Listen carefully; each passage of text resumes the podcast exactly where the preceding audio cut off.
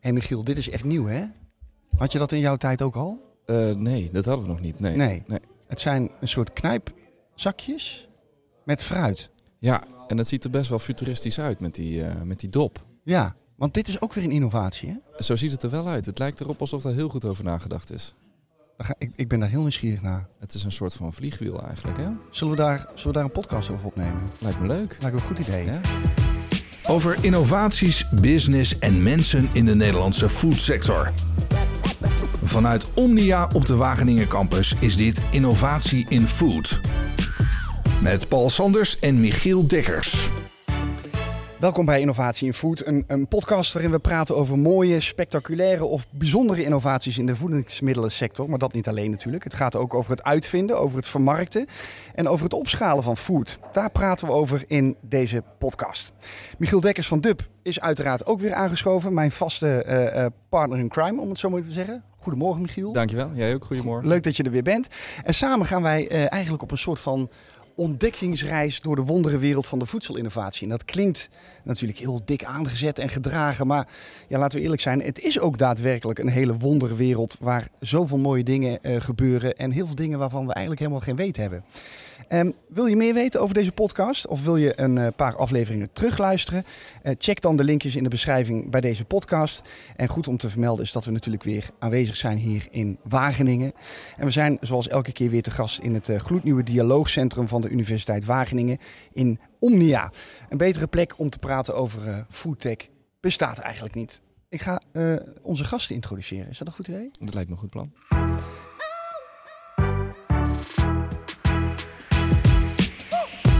Conserveren van groente en fruit is natuurlijk zo oud als de weg naar Rome. Een kleine geschiedenisles. De Fransman Nicolas Appert, dat is een Fransman, die vond in 1809 uit dat je voedsel langer kon bewaren in glas. En een jaar later zag het conserveblik het levenslicht. Groente en fruit uit potjes, blikjes en andere hermetisch afgesloten verpakkingen is inmiddels niet meer uit ons leven weg te denken. En al helemaal niet uit de supermarkt, want daar staan natuurlijk nog prachtig gangenlang met die potjes ik weet nog, toen ik vroeger in de supermarkt werkte, moest je altijd spiegelen. En dan was het altijd een dankbaar klusje om de conserveafdeling te mogen spiegelen. Want dan kon je dat zo echt heel mooi strak neerzetten. Nou goed, um, wat ook niet meer weg te denken is uit de supermarkt. Dat is uh, uh, het bedrijf dat vanochtend bij ons te gast is. Dat geldt voor het bedrijf Coroos. Een household name als het gaat om doppertjes, worteltjes en appelmoes. Maar natuurlijk ook nog veel meer andere producten wat, wat dit bedrijf, bedrijf maakt. Opgericht in Zeeland in 1957 door Cor Oostrom uh, senior. En vandaar natuurlijk de naam Coroos, denk ik. En uh, Zeeland is nog steeds uh, de basis, of in ieder geval de, de, de bakermat van uh, Coroos. Aan tafel. Ties Oostrom, Chief Technology Officer bij Coroos. En Daan Timmermans, R&D Manager bij, bij hetzelfde bedrijf. Ik begin even bij jou, Dies. Met die achternaam. Laat het zich natuurlijk raden. Jij bent familie. Ik ben familie, absoluut. ja, ik dacht, waar komt u mee? Ja, ja, ja, ja, ja. want, uh, want de oprichter van Coroos was jou? Dat is mijn opa. Oh, jouw opa. Ja. Een echt familiebedrijf is het dus, Coroos. 100 procent. Ja. Want laten we even beginnen inderdaad met het bedrijf in, uh, in één minuut. Vertel eens eventjes, Coroos. Uh, ja, wat, wat is het voor bedrijf? Hoe, hoe ziet het eruit? Nou, een typisch Nederlands familiebedrijf. toevallig vieren wij morgen met z'n allen het 65-jarig bestaan. 1957, door de corona een jaartje later. Um, sinds 1957 actief. Letterlijk begonnen vanuit de groentewinkel in Utrecht. En toen verhuisd naar Zeeland om het uh, grootschalig te doen.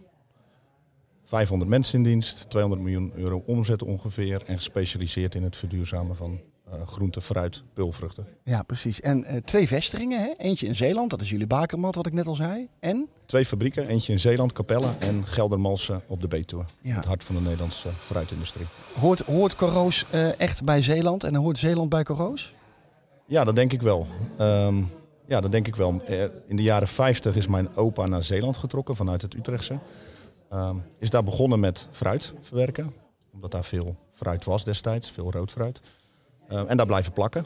En uh, naar alle tevredenheid. We wonen er nu al uh, 65 jaar. Ja, en je zegt familiebedrijf. Hoe, hoe uitzicht dat? Hoe, hoe, voelt dat hoe voelt dat zich aan? Dat zo'n bedrijf echt nog een familiebedrijf is? betrokken. Vakmanschap. Korte lijntjes. en echt met het product bezig. Ja. Wij doen het echt omdat we het leuk vinden. En is het ook moeilijk om, zo om dat in ere te houden, om een familiebedrijf? Want ik, ik kan me voorstellen dat je daar ook wel een beetje zuinig op bent. Dat je eh, een eenheid vormt met elkaar. De, de uitdaging is om daar een mooie balans in te vinden. Ja. Want ja, natuurlijk is het een familiebedrijf. ehm, maar op dit moment eh, zitten er van de familie, behalve mijzelf, nog twee neven in. En 600, 5 tot 600 andere collega's. Dus ja, wat is een familiebedrijf? Ja. Uiteindelijk, uiteindelijk ja, hoe groter je wordt, hoe minder familie het wordt. Hè? Ja, het eigenaarschap is nog bij de familie. Ja. eh, maar je doet het met z'n allen. Ja, precies. En, en, en ehm, eh, hoe staat Coroos in de markt, om het zo maar even te zeggen? Er, zijn, er is natuurlijk een heel grote concurrent die met die drie letters, zullen we niet noemen. Eh, maar hoe, hoe, wat, wat is jullie marktaandeel, om het zo maar te zeggen? Nou, dat is een beetje moeilijk uit te drukken. Ehm, wij zijn met name gericht op het private label gebeuren. Wij leveren de Noordwest-Europese supermarkten in, in, in Europa. Private label, Eh, Michiel, jij als expert, wat is dat? Eigenlijk alles wat we niet kennen onder een A-merk, dat wordt gemaakt door een private label fabrikant. Ja. Dus alle blikjes onder huismerk van de supermarkten bijvoorbeeld. Ja, dus in principe, jullie leveren de goederen en het eh, eh, merk plakt het merk erop. Ja, en als je dat dan zou eh, uitdrukken, wat is ons merk, marktaandeel in die sector, dan zou je wel kunnen zeggen dat dat wel 25 tot 30 procent is. In Noordwest-Europa. Dus dat is, dat, is, dat is behoorlijk, dat is een derde van de markt. Ja. Ja. we zijn echt een, eh, een hoe staan wij bekend? Ik denk als heel degelijk, kwalitatief.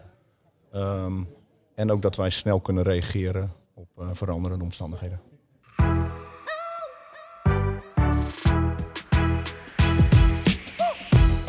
We gaan het hebben over, eh, over innovatie. Conserven lijkt, Daan, een, een heel eh, traditioneel product.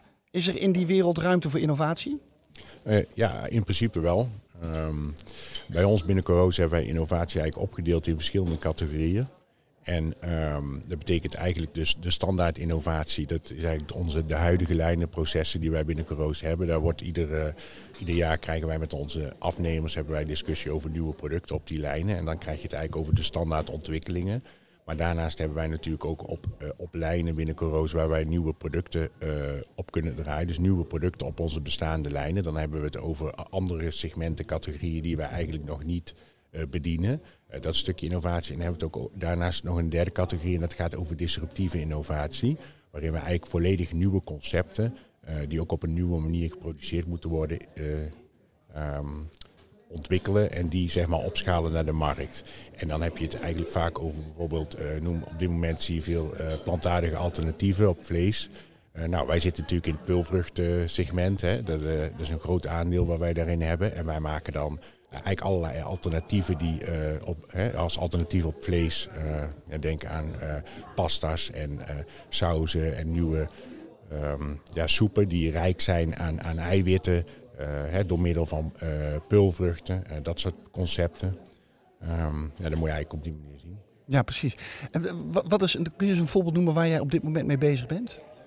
Nou, wij zijn ook naast eh, traditioneel voor het eh, conserveren, zijn natuurlijk net Nicolas Ampère, je hebt het pasteuriseren en het steriliseren. Wij zijn op dit moment ook bezig met het ontwikkelen van nieuwe technieken om die producten te verduurzamen met behouden van kwaliteit. Dus eh, kijk, bij het steriliseren is een, een, een intense behandeling. Eh, nou, wij gaan, doen dat eigenlijk nu op nieuwe, mildere manieren, waardoor die kwaliteit nog beter eigenlijk uit de verf komt. Maar dat die kwaliteit, eh, dus dat de kwaliteit verbetert en dat we daar ook minder energie in stoppen Ja. eh, om het te verduurzamen. Want je zegt steriliseren, hè? Dat, is een, dat, is een, dat is een heftig proces, want je gaat iets heel warm maken. Hè? Je gaat het verhitten, waardoor eh, bacteriën of eh, dat soort schadelijke stoffen eruit gaan. En uiteindelijk koelt het dan weer af. Dat is eigenlijk steriliseren 1 1.1. Eh, ja, correct. Ja. En wij ontwikkelen eigenlijk nieuwe methodes, zeg maar, die eh, veel milder zijn, waardoor de kwaliteit eigenlijk nog beter wordt, maar dat we ook minder eh, energie verbruiken om, eh, eh, om die producten eigenlijk te verduurzamen. Ja, Dus, Dan komen we straks, hè, energieverbruik, komen we straks even op duurzaam. Gaan we het later in deze podcast nog eventjes over hebben. Ehm, maar je zegt eh, een nieuw, eh, want, want laat ik zo zeggen, dat conserveren van, van, van, van groenten en van fruit in, eh, in potjes, je zegt door het steriliseren gaat dat ten koste van de smaak. Mag ik dat zo omschrijven? Eh, nou, eh, ja, dat kan. Maar eh, enerzijds natuurlijk verduurzamen is heel belangrijk, omdat je dan dus een, een, een gegarandeerde langere houdbaarheid kunt garanderen. Maar aan de andere kant is ook warmte is ook nodig om bijvoorbeeld bepaalde nutriënten naar voren te komen. Hè? Dus die wij opnemen in ons menselijk lichaam. Op het moment dat je dus geen warmte zou toevoegen, dan blijft dat soms opgesloten en dan uh, verlaat die, de voeding eigenlijk in die hoedanigheid weer je lichaam. Ja. dus daarom is warmte natuurlijk ook heel belangrijk. Dus eigenlijk, eigenlijk moeten we meer groenten uit potjes eten en blikjes eten. Nou, verse voeding is natuurlijk ook goed, heel, heel belangrijk. Maar daarentegen is natuurlijk ook het, het aanvullen met voeding wat uh, op die manier behandeld is, natuurlijk ook een uh, prima alternatief, uh, zeg maar. Ja. Als, als ik het even mag samenvatten, waar gaat nou eigenlijk het meeste tijd in zitten? Het innoveren van het productieproces of het innoveren van het product? Nou ja, wij starten eigenlijk, uh, tenminste vanuit mijn discipline, altijd met het ontwikkelen van nieuwe concepten, zeg maar. Dus je gaat eerst een product ontwikkelen en dan in stap 2 ga je kijken hoe kun je die producten uh, gaan produceren. Welke technologieën liggen daar aan de grondslag en, uh, en die ga je dan testen en uiteindelijk kom je dan in een, bijvoorbeeld een, een nieuw lijnontwerp. Maar wij starten eigenlijk altijd vanuit het concept. Kijk, en het kan wel zijn dat bestaande lijnen zeg maar geoptimaliseerd moeten worden, maar dat zijn eigenlijk andere projecten. Die hebben in principe wat minder te maken met het echte eh, innoveren. Ja. Dus wij kijken natuurlijk naar de behoeften van consumenten, nieuwe producten. En, en uh, ja, die zullen op een bepaalde manier geproduceerd moeten worden. Daar kunnen bijvoorbeeld bestaande lijnen voor worden aangepast.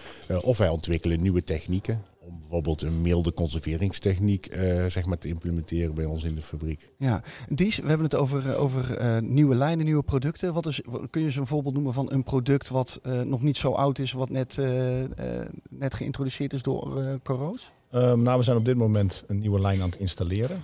Die moet half juni gaat die draaien. Um, en daar gaan we. Um, wij, wij praten altijd over verduurzamen. Dus niet meer over conserveren, maar verduurzamen omdat uh, onze scope van ontwikkeling zit altijd op het um, op een veilige manier, een hoogwaardige manier langer houdbaar maken van producten.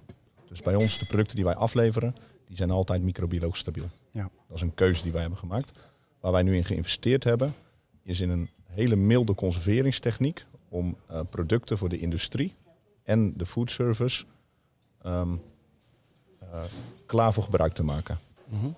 En dan moet je denken aan bijvoorbeeld uh, een hele belangrijke introductie die we gaan doen over, uh, over een maandje. Maar dat, dat meld ik dan nu alvast. Is dat wij het voor elkaar hebben gekregen om, om van pulvruchten een pasta te maken.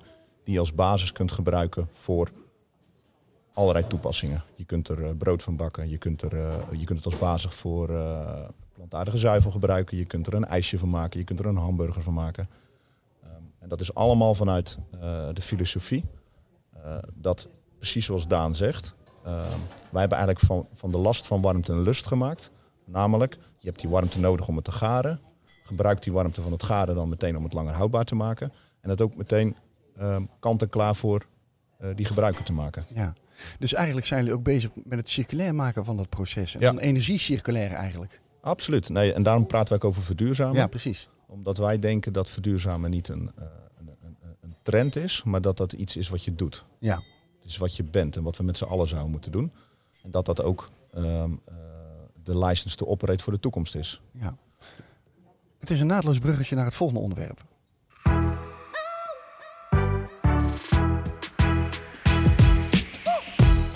Want we gaan het hebben over duurzaamheid. Duurzaamheid is iets wat uh, uh, eigenlijk geen keuze meer is. Hè? Vroeger was het een keuze om duurzaam te zijn. Is het nu ook gewoon een economische must om duurzaam te zijn? Ik vraag het even aan, uh, aan, aan jou, Dies. Ja, het is een economische must. Uh, maar in ons geval is het eigenlijk ook gewoon een, uh, een staat van zijn. Ja.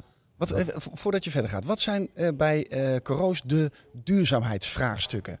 Energie, hè, dus die hebben jullie nodig Ja. voor het proces. Ja. Water, denk ik. CO2 footprint, water, Ja. uh, verpakkingsmaterialen. En dan met name de verpakkingsmaterialen die uh, uh, nog niet goed recyclebaar zijn.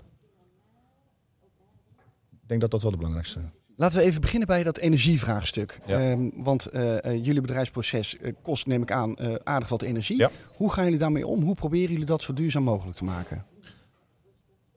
Ten eerste is even goed te kijken van wat, welke rol speelt energie nou in je, in, je, in, je, in je proces. En in ons geval is dat, we willen de, de spullen lang houdbaar maken. En we willen de spullen uh, genietbaar maken. Dat je ze kunt eten, dat ze niet meer rauw zijn. Dat zijn de absolute voorwaarden waar je, uh, waar je aan moet voldoen. Je hebt genoeg energie nodig om het langer houdbaar te maken en om het genietbaar te maken. Alles wat je te veel gebruikt is waste. Nou, dan, zit je dan heb je te maken met een standaard techniek. Dus dat betekent dat je uh, goed moet investeren in nieuwe um, verduurzamingstechnieken die bijvoorbeeld, wat wij gedaan hebben, een jaartje of acht geleden zijn wij overgestapt van uh, technieken die veel gas gebruiken naar elektrische technieken. Dus dat scheelt al. Um, dat is iets wat wij concreet hebben gedaan. Dus uh, onze fruitfabriek in Geldermalsen draait eigenlijk al voor 90% op elektrisch. Een andere grote stap die we hebben gemaakt, uh, dat is toevallig eind vorig jaar geweest is, is dat wij al ons elektrisch groen hebben ingekocht. Dus zowel de fabriek in Capelle als in Geldermalsen draait volledig op groene energie. En daarmee hebben we even uit mijn hoofd al een footprintreductie gedaan van meer dan 30 procent. Ja, precies. En, en het water, want gebruiken jullie, ik vraag het ook even aan jou Daan, bij het proces wordt daar veel water gebruikt? Uh, ja, zeker ook bijvoorbeeld om te koelen ja. uh, producten. Want waar wordt water voor gebruikt? De koelen zeg je, maar waar nog meer voor? Um, ja, ik denk dat hoofdzakelijk wel koelen is uh, waar wij water voor... Voor het wassen? Ja. ja het, het, ligt een beetje aan de... Blancheren. De wassen, blancheren, maken van stoom om, met gas. Um, dat zijn ze. Wassen, garen, uh, en verduurzamen. Ja. En doen jullie nog wat met die reststroom van, de water, van het water dat jullie gebruiken in het proces? Ja, wij, beide fabrieken bij ons hebben een eigen waterzuivering. Dus wij, uh, uh, wij, wij, wij, reinigen eigenlijk al ons water en kunnen dat dan lozen op natuurlijke stromen.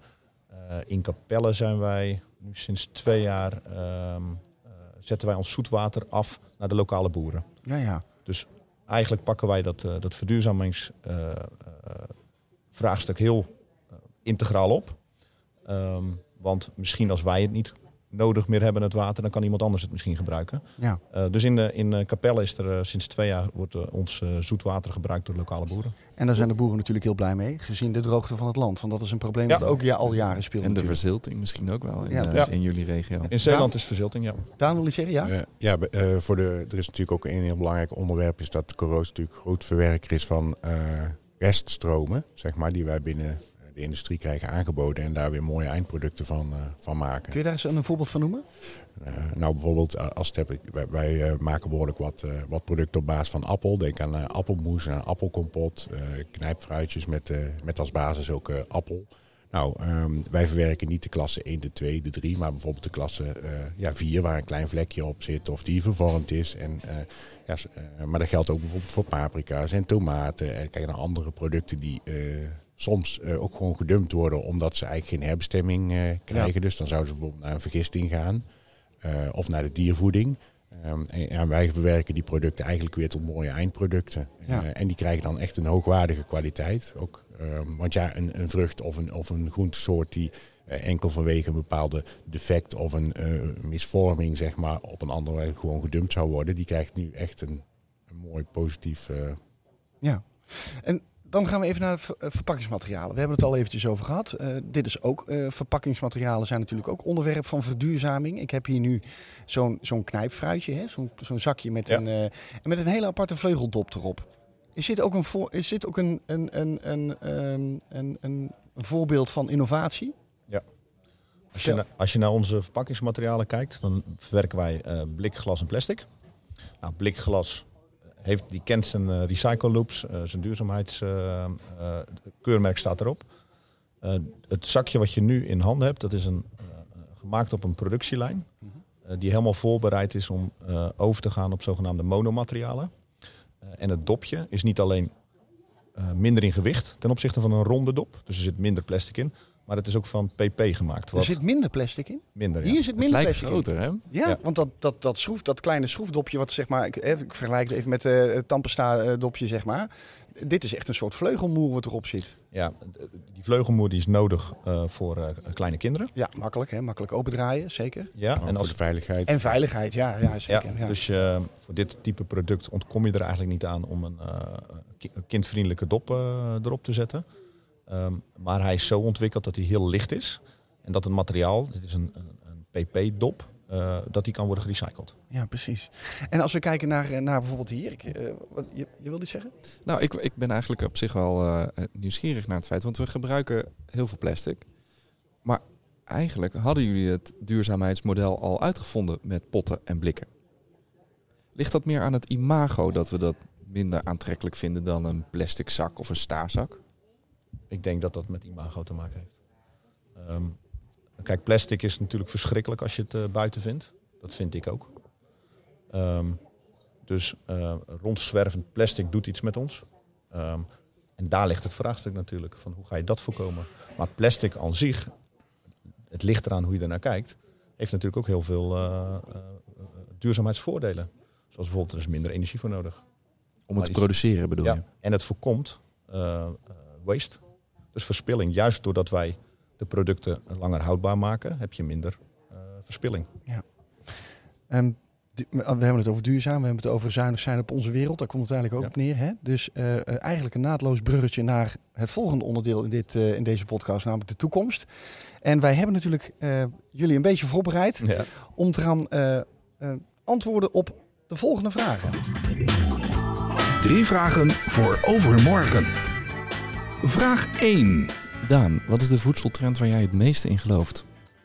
Ik geloof in gezonde voeding en um, uh, dat is denk ik het belangrijkste voor ons. En op basis van groente, fruit en peulvruchten, die geven daar eigenlijk een hele mooie uh, aanvulling. Vraag 2. De start-up die iedereen in de gaten zou moeten houden, Dies.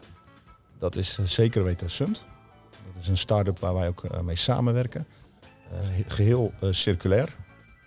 Um, en um, de reden waarom wij met hun samenwerken is omdat het een hele leuke club mensen is met een leuke ambitie.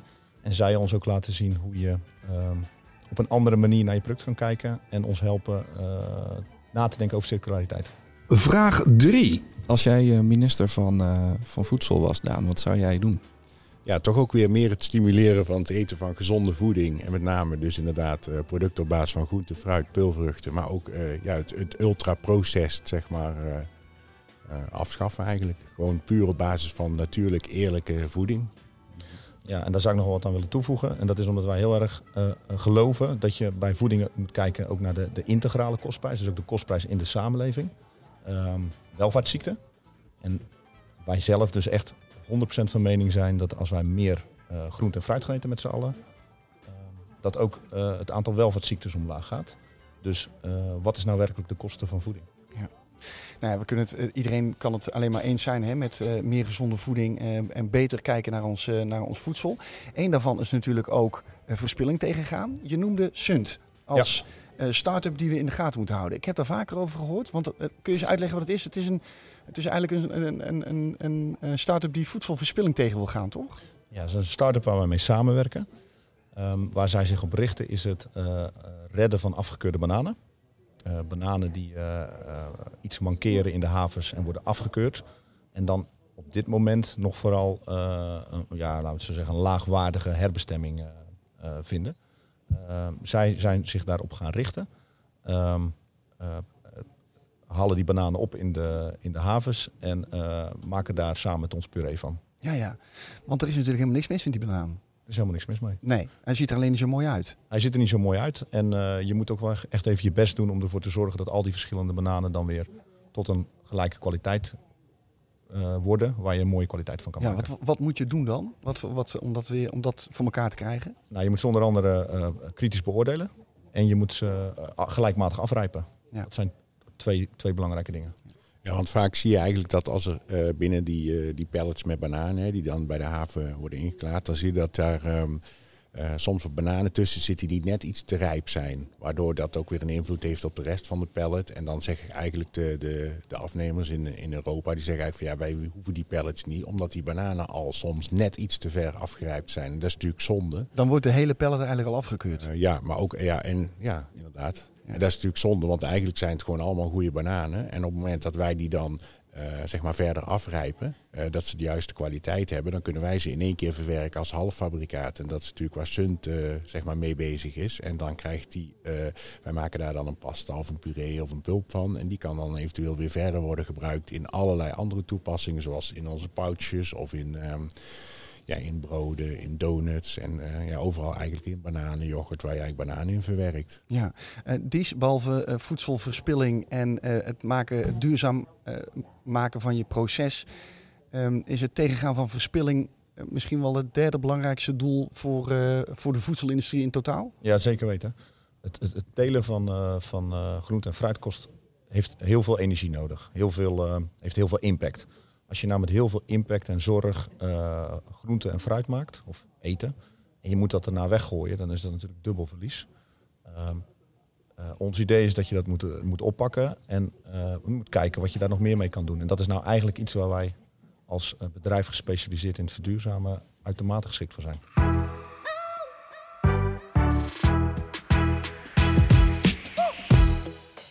We gaan het hebben over de toekomst. De toekomst van, uh, van Coroos en de producten van Coroos natuurlijk. Is er überhaupt nog een toekomst voor groente uit blik? Ja, die is er zeker. Um, je moet dan wel even heel goed kijken naar um, wat de mensen willen eten en hoe ze willen eten. En daar je oplossingen voor, uh, voor vinden. Um, een aantal van onze producten die in een potje of een blikje zitten, hebben eigenlijk ook geen alternatief. Dus als jij pulvruchten wil eten, ja, dan kun je ze zelf gaan op, opweken. Maar je kan ook zeggen van, hey, ik neem een blikje en dan is het lekker makkelijk en dan gebruik ik dat meteen. Ja, pulvrucht hebben we het over uh, uh, bruine bonen, kapucijners. Uh, linzen, kikkererwten. Ja. Dus dat is eigenlijk iets wat heel populair is en wat eigenlijk ook groeit.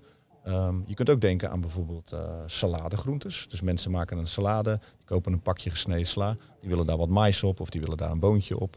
Dat zijn allemaal uh, nieuwe producttoepassingen uh, die, waar onze producten uitermate geschikt voor zijn. Ja, maar is het niet zo ook dat, dat dan, dan, geef ik ook het woord aan jou Daan. Um, is het ook niet zo dat je altijd een beetje moet opboksen tegen de vooroordelen dat groenten uit blik niet vers zijn? Dat, dat, dat, je, hè, dat, je, dat je wat je bij de groenteboer koopt uh, of uit de koeling bij de supermarkt, dat dat veel verser is dan wat er in een blikje zit? Ja, dat zul je altijd houden. Um, uh, uh, groente en fruit uit blik zijn net zo gezond als verse groentes. Um, hoe wij daar zelf in staan is van, joh, koop gewoon lekker je verse groente en fruit. Eet dat lekker. Maar realiseer je heel goed dat je elke dag nu 200 gram, in de toekomst misschien wel 400, 500 gram groente moet eten. Um, en laat ons je dan helpen om daar te komen. Ja. Dus, uh, als aanvulling op je dieet. Juist, zie het, als een, zie het in een combinatie. Zie het niet als een wedstrijd van uh, uh, zwart-wit, goed, fout. Het is allemaal groente en fruit. leer je kinderen alsjeblieft gewoon verse groente en fruit eten. maar zorg dat je aan je dagelijkse behoeften komt. Door ook af en toe gewoon het gemak voor je te laten spreken. Ja, en de smaak. Daan, het een hoeft het ander niet uit te sluiten. Uh, nee, ja, dat is correct. Want uh, wat ik ook nog even wil toevoegen is natuurlijk... consumenten die zijn ook steeds eh, meer op zoek naar convenience, gemak... maar ook aan anderzijds gezond. Dus wij natuurlijk als bedrijf zijn wel aan het kijken... Ja, hoe kunnen wij steeds beter worden in het verduurzamen... waarin wij ook de nutriënten en eigenlijk al de positieve aspecten van voeding... zo goed mogelijk kunnen behouden. Dus ja, misschien de, de, de, er verandert ook wel degelijk iets aan de manier van produceren. Hè. Je ziet enerzijds natuurlijk hebben we over blik, maar we hebben ook glas, we hebben ook kunststofverpakkingen. En um, ja, dat is ook allemaal voor gemak. Dus uh, er zitten wel veranderingen, ook zoals ik al aangaf, is veranderingen in de manier van verduurzamen. Hele milde, hele milde behandelingen, waarin wij verschillende technieken gebruiken, zeg maar, om echt die kwaliteit te behouden. Uh, anderzijds is er ook nog iets, natuurlijk, je hebt wel te maken met seizoenen en gebieden. Uh, we willen natuurlijk sustainable, lokaal zeg maar. En je hebt maar bepaalde momenten in het jaar dat uh, uh, producten van het land komen. Dus ja, je kunt niet op ieder moment altijd verse groenten eten. nou, dus wij, doen dat dan op bepaalde piekmomenten in het jaar. Kunnen wij mooie producten maken. En die willen we eigenlijk zo goed als mogelijk conserveren. Ja, dus ik, ik, ik ben eigenlijk wel van mening dat dit soort producten gewoon blijven bestaan. Dus ook enerzijds omdat de consument daarnaar vraagt. Uh, het zelf koken, hè, dat, is, eh, dat wordt steeds minder. Uh, en anderzijds natuurlijk ook de verkrijgbaarheid is natuurlijk heel belangrijk. Ja, die is eventjes over de, over de, over de markten. Hè? Jullie zijn ja. nu, nu overal actief. Wat is voor het bedrijf de doelstelling? Waar, welke markten moeten nog bestormd worden, om het zo maar even te zeggen? Um, nou, de doelstelling is om met onze producten relevant te blijven in de toekomst. Dus je gaat op zoek naar de, naar de, de, naar de, de relevante markten voor de toekomst. En één iets wat wij graag, wat wij nu aan het ontwikkelen zijn en graag in willen groeien, dat is toch wel de, de food service en de industriemarkt. Omdat je uh, uh, naast, we hadden net een discussie over uh, vers versus verwerkt. Een belangrijk punt is ook de momenten waarop je groente en fruit kan eten. tegenwoordig doen we veel meer buitenshuis eten. Op verschillende momenten willen we het hebben. En wij denken dus dat wij heel goed in staat zijn om uh, consumenten te helpen op verschillende momenten en op verschillende plaatsen uh, groente en fruit te laten eten. Ja, en dat is iets waar jullie uh, op willen gaan richten ook. Dat is waar wij, maar ook als je samen, kijk, groente en fruit gaat niet alleen over je, over je, over je lunch en over je avondmaaltijd, maar groente en fruit gaat ook over. Als jij s'avonds aan het borrelen bent, kun je in plaats van vlees kun je ook groente en fruit eten. Telt gewoon op bij die 2 tot 400 gram. Ja. Ehm, het ontbijt. Hoeveel fruit eten wij werkelijk en groente bij het ontbijt. Daar zit nog ruimte. Ehm, om 10 uur, om 4 uur 's middags. Het zijn allemaal momenten waar je groente en fruit kunt eten die allemaal optellen bij die 2 tot 400 gram die je per dag nodig hebt. Ja, precies. En daar kan uh, Coroos uh, bij gaan helpen dus, begrijp ik. Met gemaksproducten. Ja. Want als jij op kantoor zit, ja, dan ga je geen uh, bloemkool lopen snijden. Nee, precies. en jullie verkopen dit in meer landen dan alleen maar in Nederland? Ja, wij, wij zijn eigenlijk met name Europees gericht, laten we zeggen 90%. Ook nog wat 10% export buiten de Europese Unie. En onze belangrijkste markten zijn de Benelux, Frankrijk en Duitsland. Ja. En dan ben ik op zich nog even benieuwd, Daan. Want hou jij daar rekening mee met de smaakprofielen van consumenten in andere landen bijvoorbeeld? Goeie vraag. Ja, leuke vraag. Ja, ja. Nee, uh, ja inderdaad. Want, en dat verschilt eigenlijk nogal uh, per land inderdaad. Dus wij, uh, wij maken eigenlijk productprofielen en wij analyseren de markt. ja, heel simpel voorbeeldje is natuurlijk bijvoorbeeld voor knijpfruitjes voor Franse kinderen. Uh, die, die, die zijn eigenlijk opgegroeid in een gebied waar veel zon is. Uh, fruit groeit daar volop. Dat heeft vaak uh, een laag zuurgehalte, een heel zeer zoet. wij als Nederlanders ervaren dat soms als, als wat melig. Terwijl de Fransen daar eigenlijk ja, heel, heel gelukkig en blij van worden. Dus wij hebben ook bijvoorbeeld voor de kwaliteit boutjes die wij naar Frankrijk, die voor de Franse consument produceren, gebruiken ook rassen die zeer zoet zijn en laag in zuur. Aan de andere kant heb je natuurlijk de Duitse markt. Uh, daar zit, die houden weer wat van frissere producten. Dus dan selecteren we weer andere rassen, waardoor die producten weer een andere balans hebben. En ja, zo houden we eigenlijk rekening met ieder land. Ja, met het smaakprofiel. En dat houden wij natuurlijk nauwkeurig bij. En dat doen wij op basis van concurrentieanalyses. En dan vervolgens ontwikkelen wij ook. Of analyses van producten in de markt, die analyseren wij. En dan op basis daarvan ontwikkelen wij producten die passen bij. dat is een hoop werk, Daan. Doe je dat alleen of heb je daar ook een team voor? Uh, ja, we hebben eigenlijk een, een, relatief klein team. Dus we hebben ook in mijn team zitten ook productontwikkelaars. En die zijn ook dagdagelijks bezig met het uh, analyseren van uh, producten in de bestaande markt. En het ontwikkelen van nieuwe concepten. En het, het voorbereiden voor stalen voor consumentenonderzoek. En selecteren van rassen. En ja, eigenlijk dat is onze dagdagelijkse bezigheid. Die is nog de laatste vraag, want we zijn bijna aan het einde van deze, van deze podcast. Het gaat snel. Um, um, wat, wat zou voor jou het belangrijkste doel zijn voor dit jaar? Nou, wat ik het alle, ja, ik zit even te denken. Nou, kijk, wij zijn met wat, uh, met wat spannende dingen bezig, met wat patenten. Uh, ik zou het heel mooi vinden als, de, als dat gaat, uh, gaat lukken. En ik zou het ook heel mooi vinden als we op basis van die uh, patenten die we nu aan het ontwikkelen zijn, eind van het jaar de eerste product op de markt hebben. Oké. Okay. Mag ik vragen wat voor patenten dat zijn of is dat uh, nog heel geheim? Dat is heel geheim, maar dat komt, heeft altijd te maken, bij ons heeft het altijd te maken met het uh, verminderen van de uh, processingtijd en de, het gebruik van warmte. Het productieproces dus echt? Ja. Wat leuk. Nou, het lijkt me een goed idee om dan, als je de patenten hebt, om dan nog een keer hier uit te nodigen en dat we daar dan over gaan hebben. Nou, dat zou ik heel leuk vinden. Nou. Want dit was mijn, uh, mijn eerste podcast, maar ik vind het uh, ik vind een half uurtje veel te kort. Het gaat snel, hè? Ja, we kunnen nog heel lang uh, doorpraten. Michiel, had jij nog vragen voor de, voor de heren? Nou, nee, ik ben eigenlijk wel heel erg verbaasd. Want ik dacht, groente, fruit, wat kun je daar nou nog in doen? Exact, ja. En, ja. Het, en het voelt alsof die, die, die groente- en fruitmarkt compleet vernieuwd wordt. Ja, precies. Ik wil jullie bedanken. Bedanken jullie voor jullie aanwezigheid hier, hier in Wageningen. En voor de tijd die jullie in jullie agenda hebben vrijgemaakt om met ons te praten over, over Coroos en over jullie producten.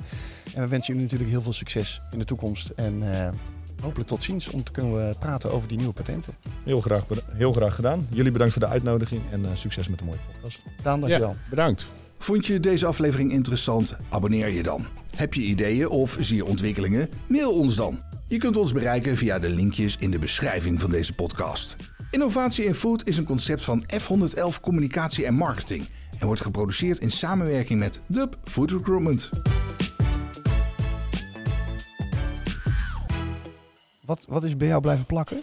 Nou ja, ik vind het dus best wel bijzonder dat je zoveel kan met een standaard product wat gewoon van het Ja. land afkomt. Ik dacht, ach, toppertjes, worteltjes in een blik. Wat kun je ermee? Maar Nou dan kun ja, je dus ja, heel veel blijkbaar brood bakken met, eh, met, met een, eh een peulvruchtenproduct. mee. Ja, ja. En, ik, en ik vind dat toch, die, die, dat smaakprofiel vind ik toch ook wel heel interessant. Dat dus Franse kinderen ander fruit willen dan Duitse kinderen. Ja, blijkbaar hè? Ja, ja, ja. Een wetenschap hè. ja. Zouden we een podcast over moeten Ja, zouden we een podcast over moeten maken.